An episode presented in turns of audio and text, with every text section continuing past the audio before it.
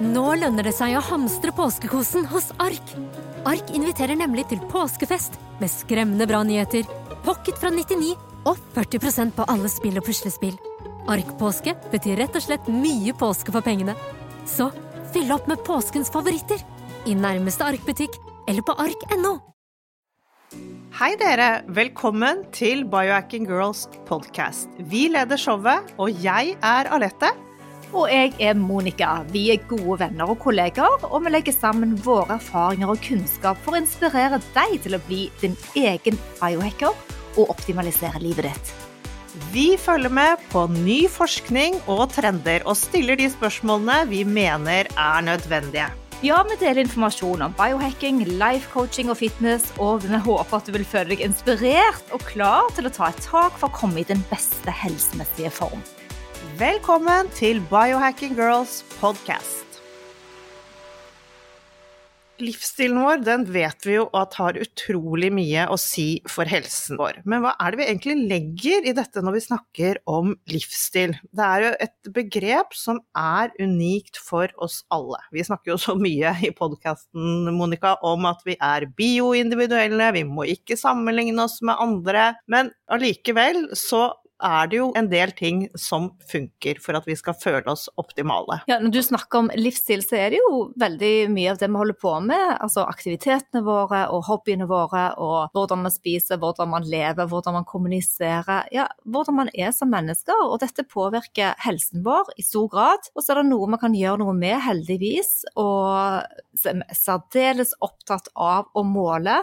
Vi har jo jobbet mye med disse wearablesene som heter Aura-ring og Whoop-band. Disse smarte enhetene som vi har på oss, og de måler bl.a. noe som vi kaller for HRV. Det står for Heart Rate Variability, eller pulsvariabilitet. Og disse nyere pulsklokkene og aktivitetsmålerne aktivitetsmålene de kan fortelle så mye mer om helsetilstandene våre enn det vi visste, og hvordan vi lever livene våre. Ja, nå har vi holdt på med dette her eh, i hvert fall i, i, to siste årene. Så har vi målt og trekket, og det er blitt en, en daglig del av livene våre dette å, å sjekke helsen vår hver eneste dag. Se hva som påvirker. Og vi begynner å bli ganske gode nå på å tolke disse tallene tallene og vite hva Jeg mener ikke feil, men det å vite i hvert fall hva som er årsaken til at disse tallene forandrer seg, er jo bare utrolig for meg oppklarende. Da vi startet med å lese HRV, så skjønte ikke jeg så veldig mye, og det har tatt oss ganske lang tid å forstå egne nivå, men også forstå hva det innebærer. Eh, for de fleste av oss de bruker jo en eller annen form for smartklokke, og da er det ganske greit å skjønne hva som står av eh, tall og målinger i disse klokkene. Ja, og dette med HRV-en er vi blitt veldig interessert i, for det sier jo så utrolig mye om helsen vår. Jeg har i hvert fall oppdaget at de få gangene jeg drikker, så kan jeg bare si god natt til HRV-en min. Det er sånn at det er de gangene jeg virkelig har bare lyst til å ta av meg alt og egentlig bare stikke hodet i sanden og ikke vite. Ja, for i dag så har vi en gjest som vi skal snakke med. Superspennende eh, fyr. Han er lege, og det vi ikke toucher innom er faktisk alkohol eh, i samtalen vår i dag, Alette, men det er den absolutt absolutte verstingen for HV på stress og målingene. Men uh, Torkel Færø, som kommer til oss i dag, han er lege, som sagt, og han er òg en ivrig fotograf. Han har gitt ut mange bøker om fotografering, og han har laget film og gått på pilegrimsveien til Santiago de Compostela, så den erfaringen deler jeg sammen med han. Uh, den siste boken hans heter Kamerakuren, der han spør om disse mestringsteknikkene som brukes for å ta skikkelig gode bilder, om de kan overføres til livet generelt og til livsstilene våre. Ja, la oss bare ønske dette oppslagsverket av en lege velkommen til podkasten vår. Kjære Torkel, velkommen til vår podkast. Kan ikke du begynne med å fortelle litt om bakgrunnen din? Ja, jeg er jo allmennlege som stort sett eh, jobber ute i distrikt i hele landet. Jobber gjerne to ukers perioder på døgnvakt. Kommer akkurat nå fra Kåfjord, hvor jeg jobbet i to uker, og jobber øst og vest, jobber i Finnmark, eh, Kautokeino, Hasvik. Jeg har jobbet også mye på sånn litt større legevakter med mange pasienter, altså Bærum, Jessheim, Eidsvoll, med høy turnover med pasienter, på en måte. Sånn at jeg har sett et bredt grunnlag av pasienter i Norge. Jeg har faktisk sett ca. 50 000, eller mer enn det, unike pasienter. Så jeg har undersøkt omtrent personlig da, omtrent 1 av befolkningen i Norge. da. Sånn jobber jeg. Det høres jo veldig spennende ut, og vi vet også at du er et oppslagsverk når det kommer til HRV. Og det er det vi har lyst til å snakke med deg om i dag. Og hva er egentlig hjertevariabilitet? Ja, eh, nå skriver jeg en bok. Eh, jeg skal faktisk levere manus om to dager. Eh, så hodet er jo fylt nå av HRV, hjerteratevariabilitet eller pulsvariasjon. Eh, og det er et begrep som er ganske nytt i, i helsevesenet, sånn at det er utrolig mange som ikke kjenner til det. Og, og selv kjente jeg ikke til dette her før for tre år siden. Men pulsvariasjon eh, måler graden av aktivering i det autonome nervesystemet. Sånn at hvis du er i parasympatisk hvilemodus, så har du en høy pulsvariasjon, som er det ideelle når du skal hvile. Det vil si at når du trekker pusten inn og fyller lungene med oksygen, så stiger pulsen for å utnytte det momentumet av at blodet er fylt av oksygen. Når du puster ut, og da har mindre oksygen i lungene, så roer pulsen seg på en måte for å spare litt effekt. Og sånn at en god pulsrytme i hvile vil være en rask stigning og en saktere på en måte bølgedal. Det vil ligne på en, en bølge som du på en måte ser på sjøen. Da. Og så eh, en lav pulsvariasjon vil være at pulsen slår som en klokke. Så hvis du er i stressmodus av alle mulige årsaker, om det er mentalt eller eh, pga. trening eller hva som helst, egentlig, så vil hjertet på en måte, eller kroppen utnytte maksimalt også den tiden hvor lungene er lite fylt av oksygen, og liksom kjøre på også i den perioden, da, fordi at det trengs for på en måte å, å ha maksimal kapasitet der og da. Så det er egentlig pulsvariasjon, eh, litt kort forklart. Dette er jo noe som ikke har kunnet måles særlig mye, og veldig nytt for veldig mange, oss inkludert. Men hvordan er det relatert til stress, f.eks. målingene vi ser? Ja, disse målingene er jo da det som er så genialt. Altså det at de regner jo med nå at kanskje opp mot 80% av de sykdommene som vi får og behandler, skyldes en ubalanse i dette stressnivået. At vi har for mye tid i stressituasjon og for liten tid til å restituere, slik at kroppen ikke rekker å eh, på en måte reparere skadene som naturlig oppstår gjennom en dag, eh, en dag i livet. Da. Så må det restitueres mye for å reparere det. Um, og jeg så senest i går hvor det sier at uh, unge mellom 16 og 24, da, spesielt jenter, sliter mer og mer med stresslidelser, og hvor faktisk halvparten av jentene har tilbakevendende hodepine som, som plager dem, som er jo selvfølgelig typisk stressrelatert. Og så er det så lett å tenke at man bare skal meditere litt og puste litt og gjøre alle de øvelsene som selvfølgelig vi òg ønsker, men, men, stresset går ikke bort. Og så tenker jeg òg litt på eh, mobiltelefoner og press. Eh, du snakker om unge jenter, men bruk av eh, duppeditter, kan det òg bidra til å skape en dårligere HRV-balanse? Ja, det at vi hele tiden nå fyller de naturlige pausene som oppstår med aktivitet, selv om den er såpass liten som det å kikke gjennom en VG-side eller sjekke om du har fått noen likes eller mailer eller hva det skulle være, den øh, holder deg på en måte borte fra de naturlige pausene hvor du tidligere kunne roe ned på en måte, Du hadde ikke noe annet alternativ. Du venta på bussen, eller det skjedde ingenting. og det var ikke så mye annet å gjøre enn å kikke seg rundt og, og la humla suse, på en måte. Og det at vi nå fyller alle disse med sånne mikrostressorer, det er med på å øke eh, HRV-en, eller øke eh, stressverdien Eh, slik at HRV-en synker. Nå kjenner jeg at HRV-en min eh, synker, og det er jo ikke bra akkurat nå. fordi at i rommet ved siden av oss der vi sitter her i studio, så er det eh, et gangbad. og så tenker jeg at nå kommer den lyden inn på og Hvis jeg hadde målt pulsen min nå, så er jeg sikker på at det hadde påvirket meg. Det var sånn usynlig som bare virket rundt oss. Kan det være tilfellet? Absolutt. Mange små ting spiller inn på eh, nervesystemet vårt. Og det er jo faktisk slik at 90% av hjernen vår på en måte jobber i underbevisstheten, som hele tiden tar inn signaler fra omgivelsene som vil synes i HRV-en, og som kanskje er så lavgradig at de kommer ikke opp til din bevissthet, men den vil likevel påvirke situasjonen i kroppen din, da, i fysiologien din. Sånn at uh, bare det f.eks. Å, å være i et rom med mange folk, som på en måte underbevisstheten din hele tiden observerer og, og kontrollerer for, vil, vil, kunne øke den eh, stressnivået. Hva med sånn som søvn, kosthold, trening, hva slags påvirkning har det? Negativt, positivt? Det er jo det som er det store spørsmålet. For det er jo så utrolig mange ting som virker inn på dette stressnivået. Og noe av det som har overrasket meg mest, f.eks., er i hvilken grad mat og det å fordøye mat har gitt en høy puls og en høy stressverdi over lengre tid. Um, og særlig f.eks.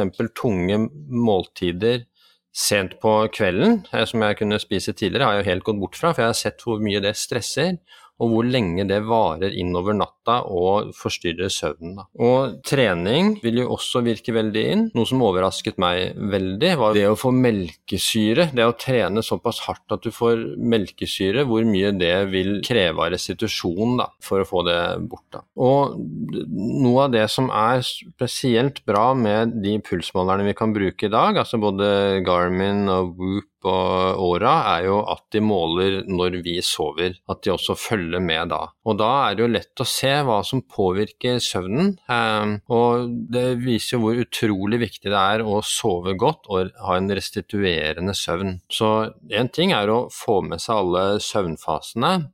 Men en annen ting er at kroppen når du sover faktisk er i såpass hvilemodus at, at du restituerer bra nok. Um, så det ser for meg ut som det er to uh, litt forskjellige ting, um, slik at du kan på en måte sove godt, en måte, men har restituert dårlig, og, og, motsatt. da. Jeg har gjort et par målinger. For eksempel så har jeg vært på kino og kommet hjem ganske sent, 11-12, lagt meg til å sove og hatt en veldig bra HRV. Og så har jeg hatt eh, treretters middag ganske sent på kvelden og hatt en kjempedårlig HRV. Og så merker jeg òg eh, hvis barn, små barn våkner i huset, da går det utover eh, selvfølgelig bevegelsene, men det går utover HRV-en. Så jeg kan ikke alltid vite hva som er stress. Er dette et typisk mønster du òg ser, at man ikke helt det er ikke noe konsekventhet i dette. Ja, Til å begynne med så kan det nok eh, være litt vanskelig å finne ut av, men etter hvert som man følger med, så vil man se at noen ting gjentar seg, og noen ting vil stresse deg kanskje mer enn andre. ikke sant? For eksempel så kan kanskje du være veldig påvirkbar for det at ungene våkner, mens en, en, annen kanskje ikke ville vært det. ikke sant? Og Det er jo det som er fordelen med disse pulsmålerne, at vi klarer å finne en individuell uh, hva som påvirker akkurat deg. For at i medisinen til vanlig så er vi ofte på jakt etter gjennomsnittet.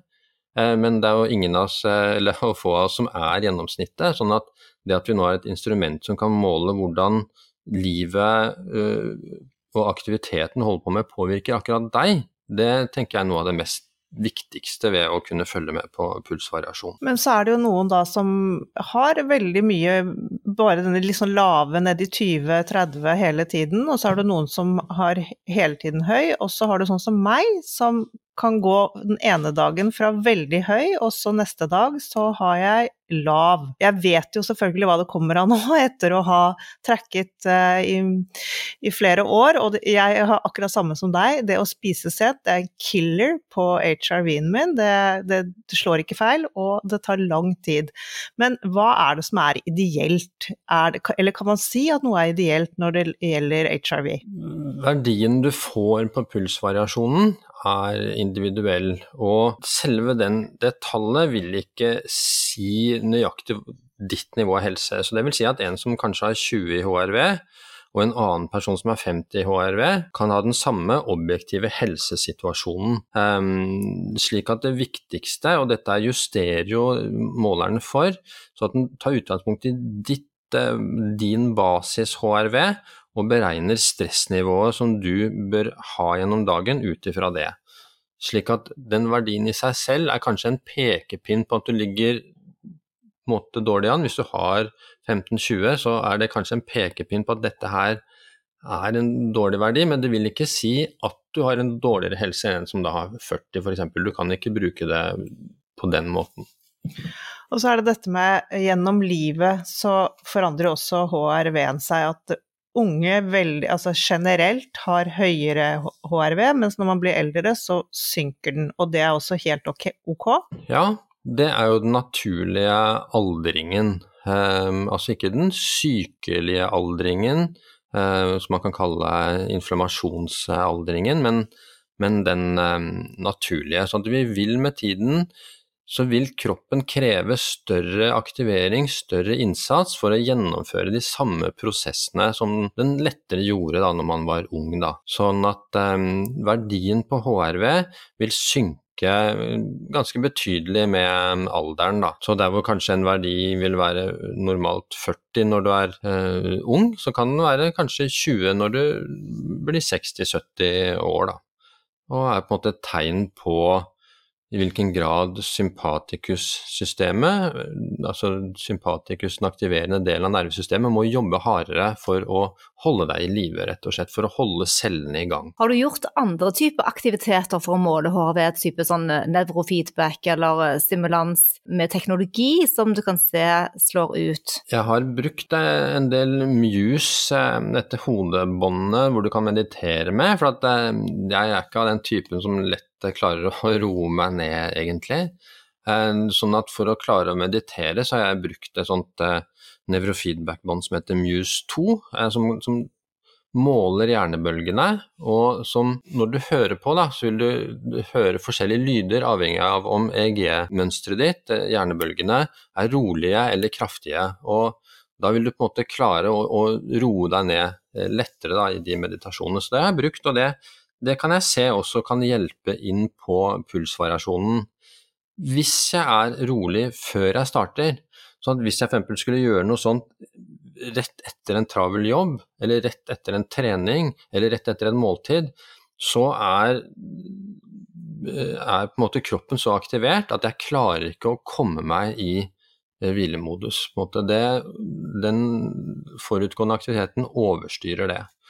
Så um, jeg må på en måte være roet ned og nedregulert før jeg gjør meditasjon. Så hva er konkrete råd til oss og til lyttere som da sliter med et eh, såkalt hyperaktivt liv? Jeg kan vel skrive noe på selv at jeg har mange baller i luften alltid, og jeg liker det. Jeg på en måte får energi av å tenke mange baller eh, og mange prosjekter. Men det er jo det å roe ned før kvelden og ikke sitte og se på Netflix, at jeg har lyst til å gjøre noe annet for å få den gode balansen. Er det noen konkrete ting noen timer før du skal sove. Hva er dine biohacks på det? Her er det jo mange gode råd man kan bruke, og det som jeg syns er viktig med dette, er at det er så mange, spesielt kvinner, som du kan kalle høyenergiske, som skal klare alt på alle områder hele tiden.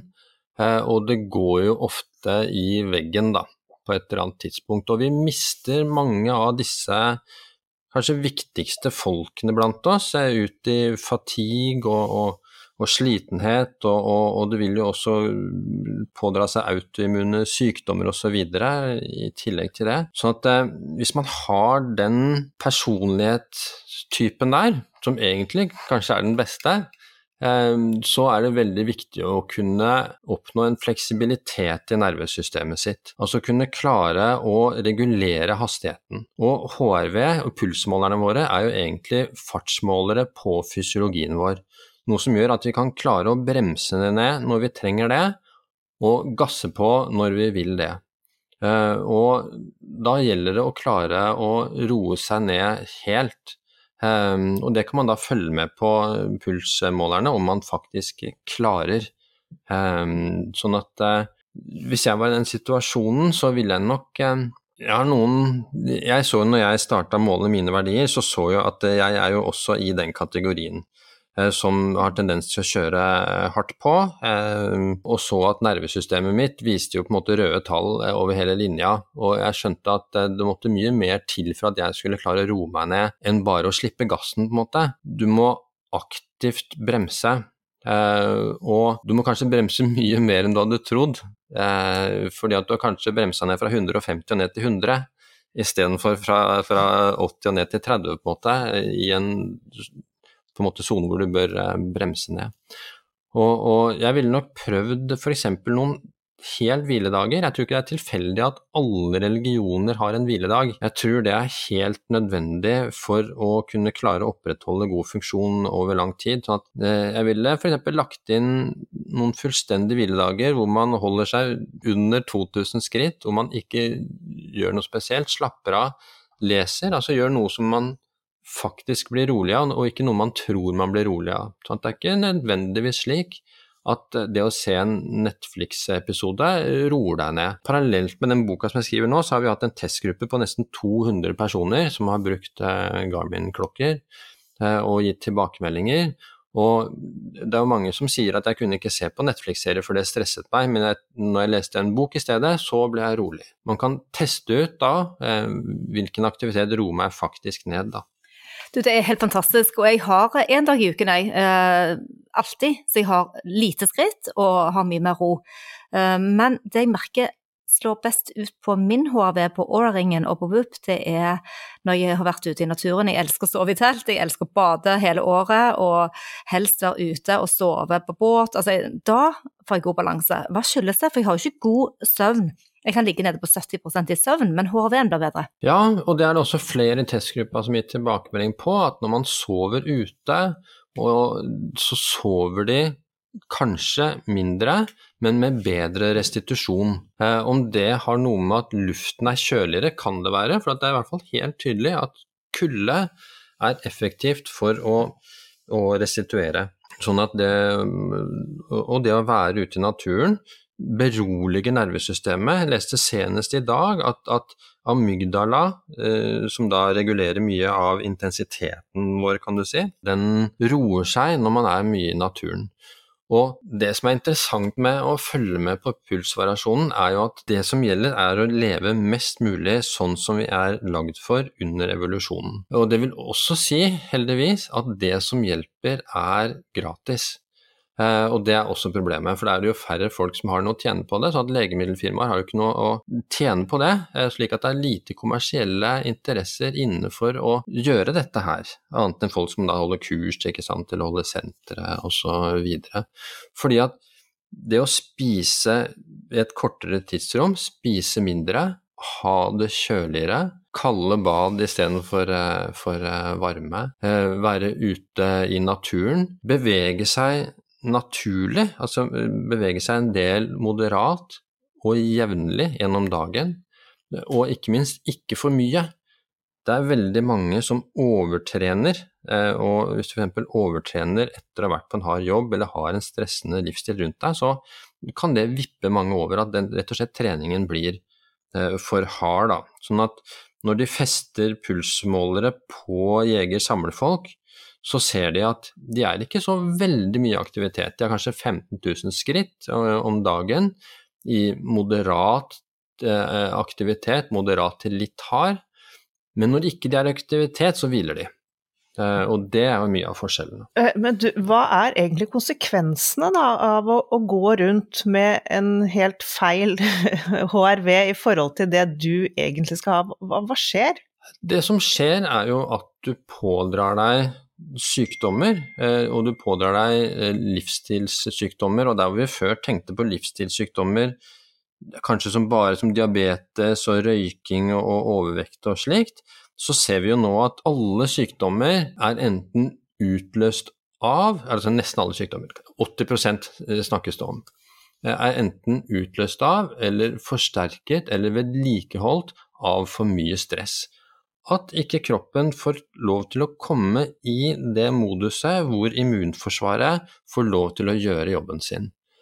Slik at kroppen er full av cytokiner, um, som er betennelse, så kroppen er på en måte full av betennelse som den må jobbe med, istedenfor uh, å kunne, kunne, restituere og reparere. Da. Du, dette var veldig fint at du brakte på banen, fordi at uh, vi ja, Jeg vet ikke om vi var de første i landet, men vi var tidlig ute med å bruke både Aura og Whoop.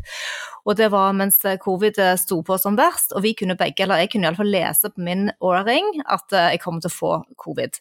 Og det var spesielt HRV-en som gikk enormt mye ned, uh, og oksygenopptaket var mye høyere, jeg trengte mer luft.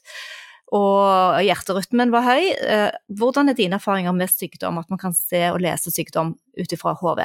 Det du sier der er jo også typisk, eh, og det er jo det som kanskje er den aller største fordelen for oss leger, at nå kan pasienten komme og vise på målerne at se her, eh, jeg sliter fortsatt i etterkant av den sykdommen, kroppen jobber fortsatt med å restituere, jeg er ennå ikke tilbake på baseline.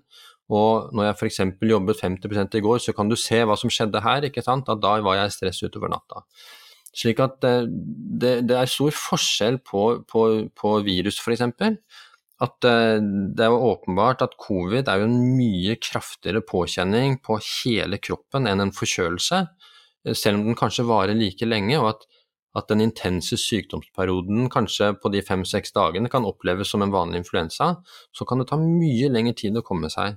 Min, min kondisjonstall f.eks., som lå stort sett på 44-45 i oksygenopptak, der har jeg store vansker med å komme over 40 nå. Og jeg klarer ikke å se noen annen årsak enn covid, og det samme har jeg hørt av flere andre, at de, de sliter over lengre tid med å komme seg opp, og uten symptomer. Altså jeg har ikke noe fatigue eller andre symptomer, men jeg ser at kroppen sliter med å komme seg opp på den samme kapasiteten som jeg hadde før. Så, men uansett så gjør det at det er lettere å kunne ta hensyn til sykdom, for noe av det som også skaper sykdom, er at man går på jobben syk, man hangler, man, man, må mobilisere mer for å gjøre det samme og gønne på når du egentlig trenger å hvile. Og disse instrumentene kan da si fra til deg, og de sier jo også orda klart ifra, at nå er det tid med en rest, med en rest day, sier orda da, og anbefaler deg å skru av aktivitetsmålet eh, for å, å hvile da. Mm. Du, vi har jo alle hørt om hvilepulsen, og den er vi jo ganske kjent med. Hva er egentlig forskjellen, og hva er, hva er det som gjør at HRV-en er så utrolig mye mer effektiv i forhold til alt det vi har snakket om nå? Forskjellen er at på den samme hvilepulsen så kan du ha ulik pulsvariasjon. Sånn at jeg kan godt ha 65 i puls, men det kan ha et, både et høyt og lavt stressnivå på den samme pulsen. Eh, slik at eh, pulsvariasjon er et mye mer presist nivå på hvorvidt eh, kroppen vår eller hjernen vår er stresset eller ikke. Da. Ehm, sånn at pulsen er et mye grovere mål, kan du si. Føler du at du har lært mye mer om det sympatiske og det parasympatiske nervesystemet etter du har begynt å fordype deg i HRV? Ja, absolutt, er du gæren. Og det er jo også det at vi leger er jo kjent med det autonome nervesystemet egentlig som bare noe negativt. Altså Vi kjenner det egentlig fra litteraturen og studier bare som fight, flight og freeze. Og så har vi jo dermed tenkt at hvis du da ikke er i det moduset, ja, men da har ikke det autonome nervesystemet noe å si, på en måte. Eh, og sånn at når jeg da aldri var negativt stressa. Altså, jeg, jeg, har jo gjort Jeg gjør jo masse hele tiden, men jeg har jo aldri si, deprimert eller stressa eller syns at ting er for, for, hardt, på en måte. Så tenkte jeg at ja, men da er jo jeg home free. Da er jo jeg i det som da må være parasympatisk modus, tenkte jeg da. Men så ser jeg at selv om du gjør masse ting som er gøy, moro, intenst, som, som, som, hvor du er i flytsone, du kunne ikke tenke deg å gjøre noe annet, så er likevel det sympatiske systemet eh, kjempeaktivert. Og selv om det selvfølgelig er bedre enn å være negativt aktivert, så, så vil det også tappe deg for krefter og gi deg et behov for å restituere som du må ta hensyn til. da. Eh, og jeg ser jo eh, Nå ser jeg også pasienten med litt annet blikk, og jeg ser jo at de som, de som har det best, har jo mye de holder på med, er aktive folk med mye stress i livet sitt, men de har evnen til å roe ned, eh, og evnen til å koble ut. Og få det som Audun Mysja kaller kokeplata ned fra én til null. Altså det å klare å å, å, skru helt av, da. Så de som ikke har den eh, evnen, de, de sliter og, og, og, blir sykere enn andre, da, ser jeg. Sånn at eh, jeg ser jo at noe av nøkkelen til å få kontroll over helsen vår, altså hele helsen, det er å få kontroll over det autonome nervesystemet. Så det er på en måte grunnmuren i hele organismen vår, og som vi må klare å få mer under kontroll da, for å bli friskere. Så det håper jeg jo at denne boka som jeg skriver nå, kan, eh, kan hjelpe til med. Da. Hva heter boken din som du kommer med?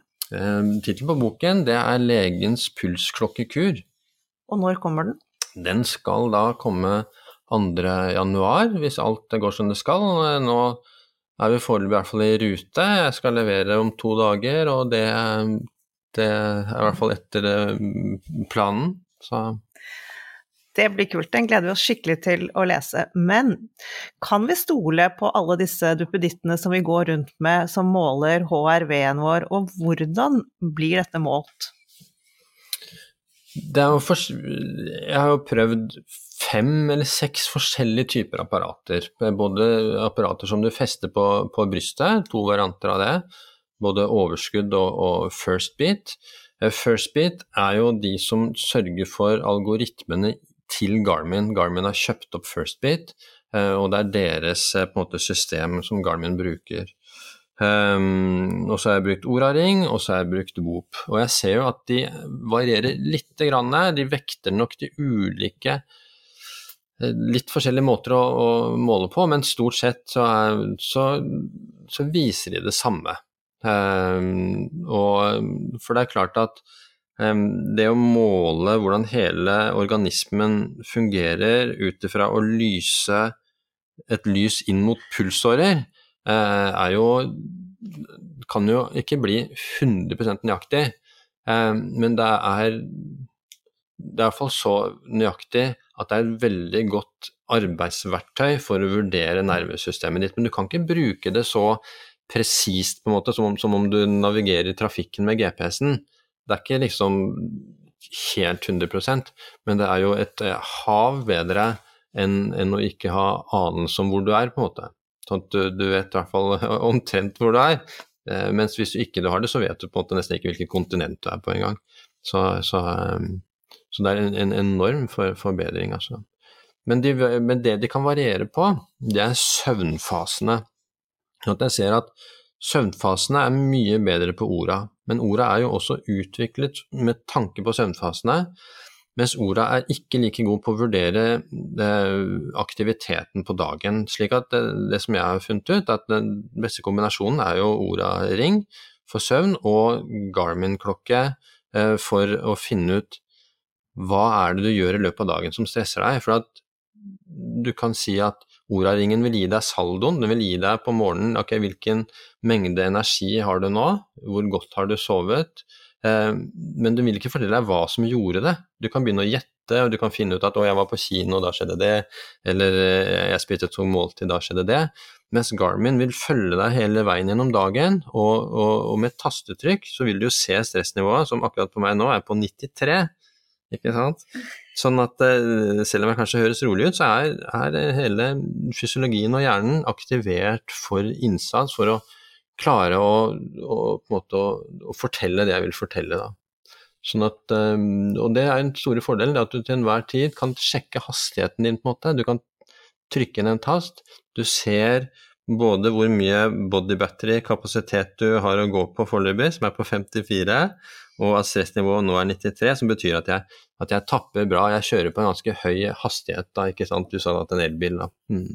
Men hva skjer hvis du trekker pusten nå, da? Hvis du bare virkelig trekker pusten og har en god, lang utpust?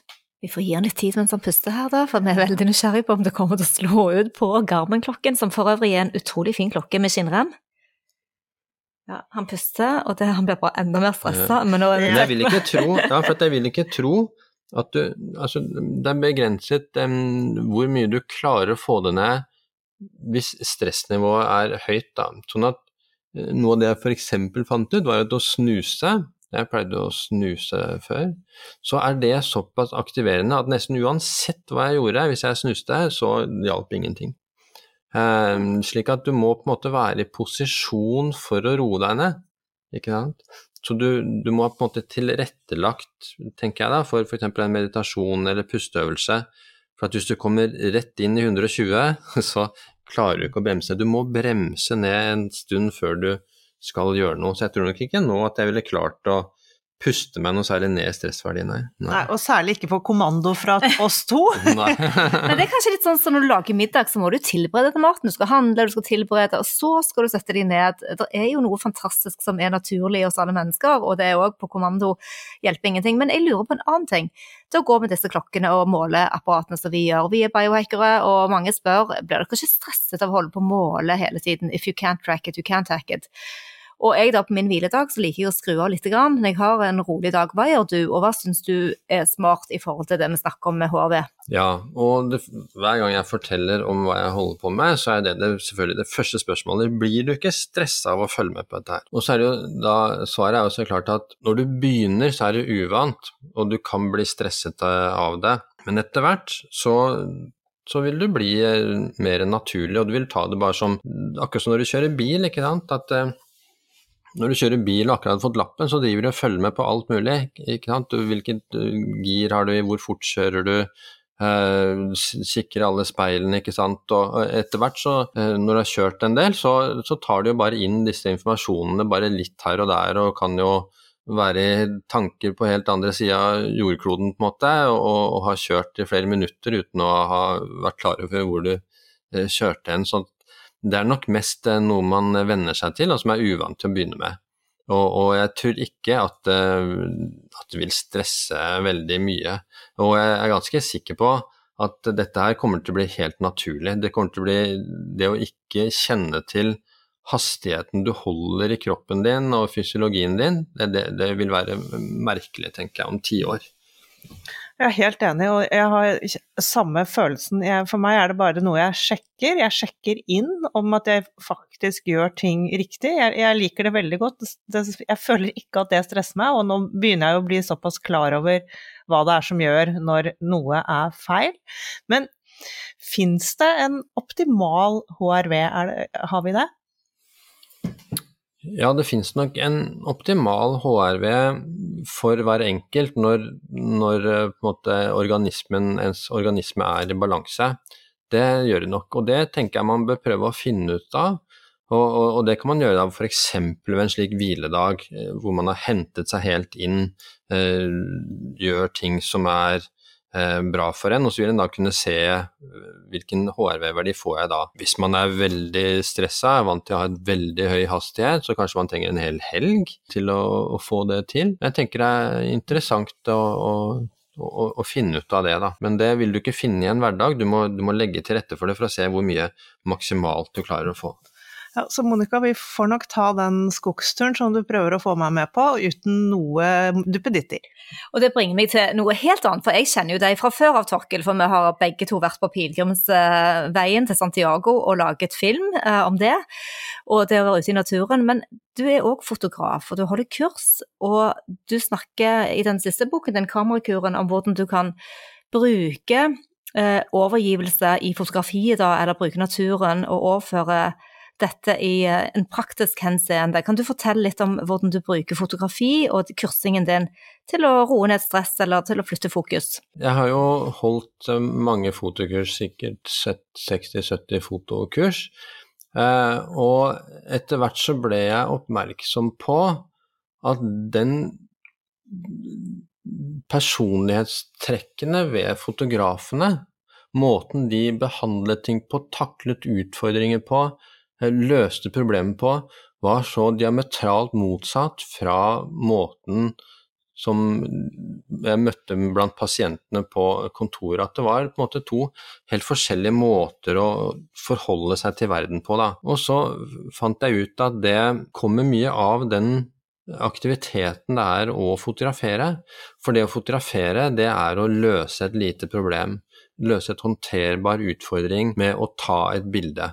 Og måten du løser den utfordringen på, det kan du overføre til alt annet. Og det som jeg så, og, det hadde jeg erfart over mange år, at mye av det pasientene sliter med, det er dårlig livsmestring. Slik at hvis du ikke er god på livsmestring, så vil du bli syk av det. Og det kunne være vanskelig å nå fram til pasientene med de rådene for hvordan man skulle mestre problemer for de følte seg ofte frustrert, provosert av det. Eh, og jeg kunne gi de samme rådene på et fotokurs, og der ble det tatt imot og, og brukt. da. Så jeg tenkte at kan dette være en form for snikterapi? Kan jeg bruke det å fotografere som en måte å introdusere hvordan man skal tenke rundt og gripe muligheter og uh, løse problemer? Og så har jeg lagd da kamerakuren, uh, hvor du lærer det. Men bare det å fotografere i seg selv er jo helsebringende. At, og, og da vel tilbake til det at når du jakter på et bilde, så bruker bruker du hjernen og kroppen din på den måten som er konstruert for. Vi er jo jeger-samlere, og vi jakter på og samler på bilder. Og når vi gjør det, så tilfredsstiller vi nervesystemet vårt på en veldig grunnleggende måte. Da. Og det vil ikke være beroligende, med mindre du fotograferer en sjø, blank sjø eller ute i skogen, men det vil være aktiverende. Så noe av det jeg fant ut når jeg begynte å måle, er jo at det å fotografere er jo en aktiverende eh, handling. Så ikke i seg selv er beroligende, men um, en, en, handling som på en måte vi er skapt for å, å gjøre, da. Ikke sant. Um, vi er ikke skapt for å sitte alene inne Eh, å scrolle, på en måte. Det, det, gjør oss dårlige, da. Er det litt samme følelse som når man går på sopptur eller plukker bær? Det vil jeg tro. Sånn at eh, det å, få tak i noe Du får et dopamin. Ja, dopamin er jo motivasjonshormonet som driver deg mot et mål. Hvis du blokkerer dopamin hos, eh, hos forsøksdyr, så, så, vil de ikke gjøre noe. De vil til og med ikke skaffe seg mat eh, og motivere seg for det. Sånn at det at det, det kanskje er et bilde for oss der ute i dag, det at det kanskje er sopp eh, eller noe å dykke etter, eller, eller hvilken hobby man skulle ha, dette kanskje er det noe, det er det som trigger dopamin, ikke sant. Sånn som fotball, ikke sant. Der vinner laget mitt, liksom. Eh, kanskje vinner det, ikke sant. Hvis jeg hadde visst at de vant, så hadde det ikke vært noe spennende. Hvis du visste at det alltid var masse sopp, så ville det kanskje ikke vært like interessant. Og, og, det som er helt klart, er det å, å, ta et godt bilde vet du jo aldri om, om, det er der. Det å ta et godt bilde er jo faktisk en ganske eh, vanskelig ting, da. Å, å ta et virkelig godt bilde. Og krever nærvær. Så alt dette krever også tilstedeværelse. Eh, og for mange som kan slite med å oppnå det i mindfulness eller meditasjon, så kan det være lettere å oppnå det i, hvis du jakter på sopp eller eller jakte på et bilde. Da. For, for å få til et godt bilde, så må du være til stede. Så kamera er på en måte en slags tilstedeværelsesinstrument som, som, tvinger deg til å være her og nå. Så det var kanskje noe av det jeg likte med det. da. Dette, dette, kurset har jeg lyst til å komme på. Har du flere sånne kurs, eh, Torkil? Ja, bare om tre uker skal jeg ha et kurs i, i Kroatia. På et uh, veldig fint sted i nærheten av Split. Så vi har jo fotokurs uh, hele tiden, eh, egentlig. På, på kairosworkshops.com kan man gå inn og se hvilke kurs som er planlagt. Da. Så fotokurs er noe jeg kommer til å fortsette med. Nå har det vært litt nede pga. at jeg har brukt så mye tid på å skrive denne boken jeg skriver nå, men men det kommer det til å bli mer av. Ja. Du, Det er helt fantastisk at du skriver den boken, og vi må bare ta en liten uh, før vi gir oss her. Uh, hva motiverte deg til å skrive denne fantastiske boken om HRV? Du er førstemann i Norge som gjør det. Ja, jeg er kanskje ikke det er, det er, ikke bare Det er nesten i verden også, faktisk. Jeg, fordi at jeg, jeg har selvfølgelig prøvd å finne tak i bøker som jeg kan lære av for å skrive boka. Og av denne type praktiske guidebøker på en måte til hvordan du kan bruke HRV for å bli bedre, har jeg ikke funnet noen av. Um, sånn at, og det, det, som nesten er utrolig, er at det er jeg som skriver den. Eh, ikke sant? At det ikke er en eller annen professor eh, med doktorgrader osv. Eh, men jeg fant ut at, at dette fins ikke, og jeg, at, eh, og jeg hadde selv erfart hvor mye nytte det var av det. Sånn at eh, jeg tenkte at eh, jeg må jo Men det var Cappelen Dam som kom til meg som, som, så at jeg holdt på med dette her, og så sa at kanskje du kan skrive en bok om dette her. Sånn at jeg hadde nok ikke skrevet den hvis ikke de hadde kontaktet meg, da hadde jeg nok ikke tenkt på det.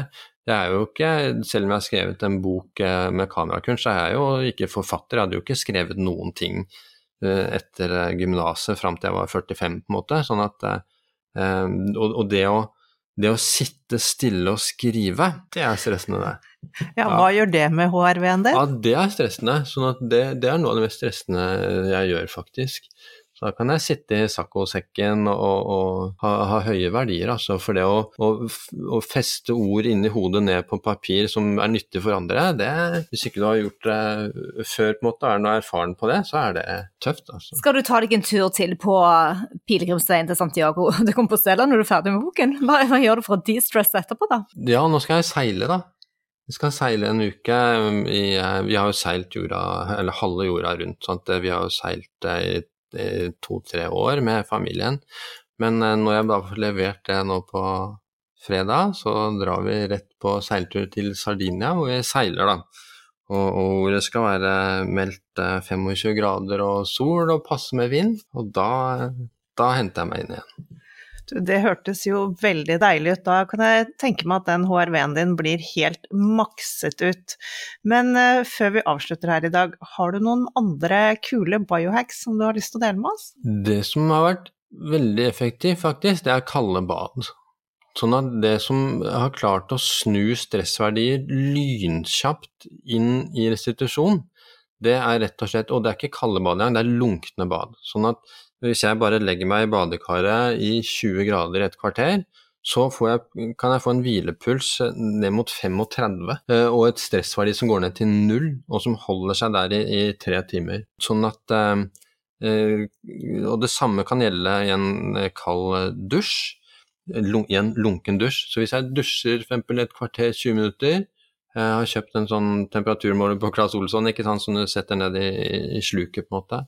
Um, så er det også ekstremt effektivt til å, å få kroppen over i, i hvilemodus. Og det, ikke, og det, er jo ikke uten grunn selvfølgelig at Ronaldo og, og, fotballspillere og idrettsfolk bruker kulde uh, for å komme i restitusjonsmodus. da. Veldig bra. Ja, dette elsker vi. Ehm, da eh, var det utrolig hyggelig å få snakke med deg, eh, men vi ses jo om et par uker, for du kommer ut på Biohacking Weekend, og jeg er sikker på at mange av de som kommer, har lyst til å snakke med deg og spørre deg spørsmål, for mange av de som lytter på podkasten vår, bruker òg Aura-ring. Så jeg håper du er klar for det? Det er jeg veldig klar for. Ja. Så jeg syns det er så spennende å snakke med folk som er interessert i dette her, selvfølgelig. Så det er jo fantastisk. Ja, det er jo det vi digger. Å ha, snakke med likesinnede og nøle oss ned i dette her. Det er kjempespennende. Vi skal legge under shownotes her eh, nettside og kontaktinfo på Tokkel Færø, så dere kan ta kontakt. Og vi takker for eh, følget så langt og ønsker alle en god uke. Og vi sier Happy biohacking!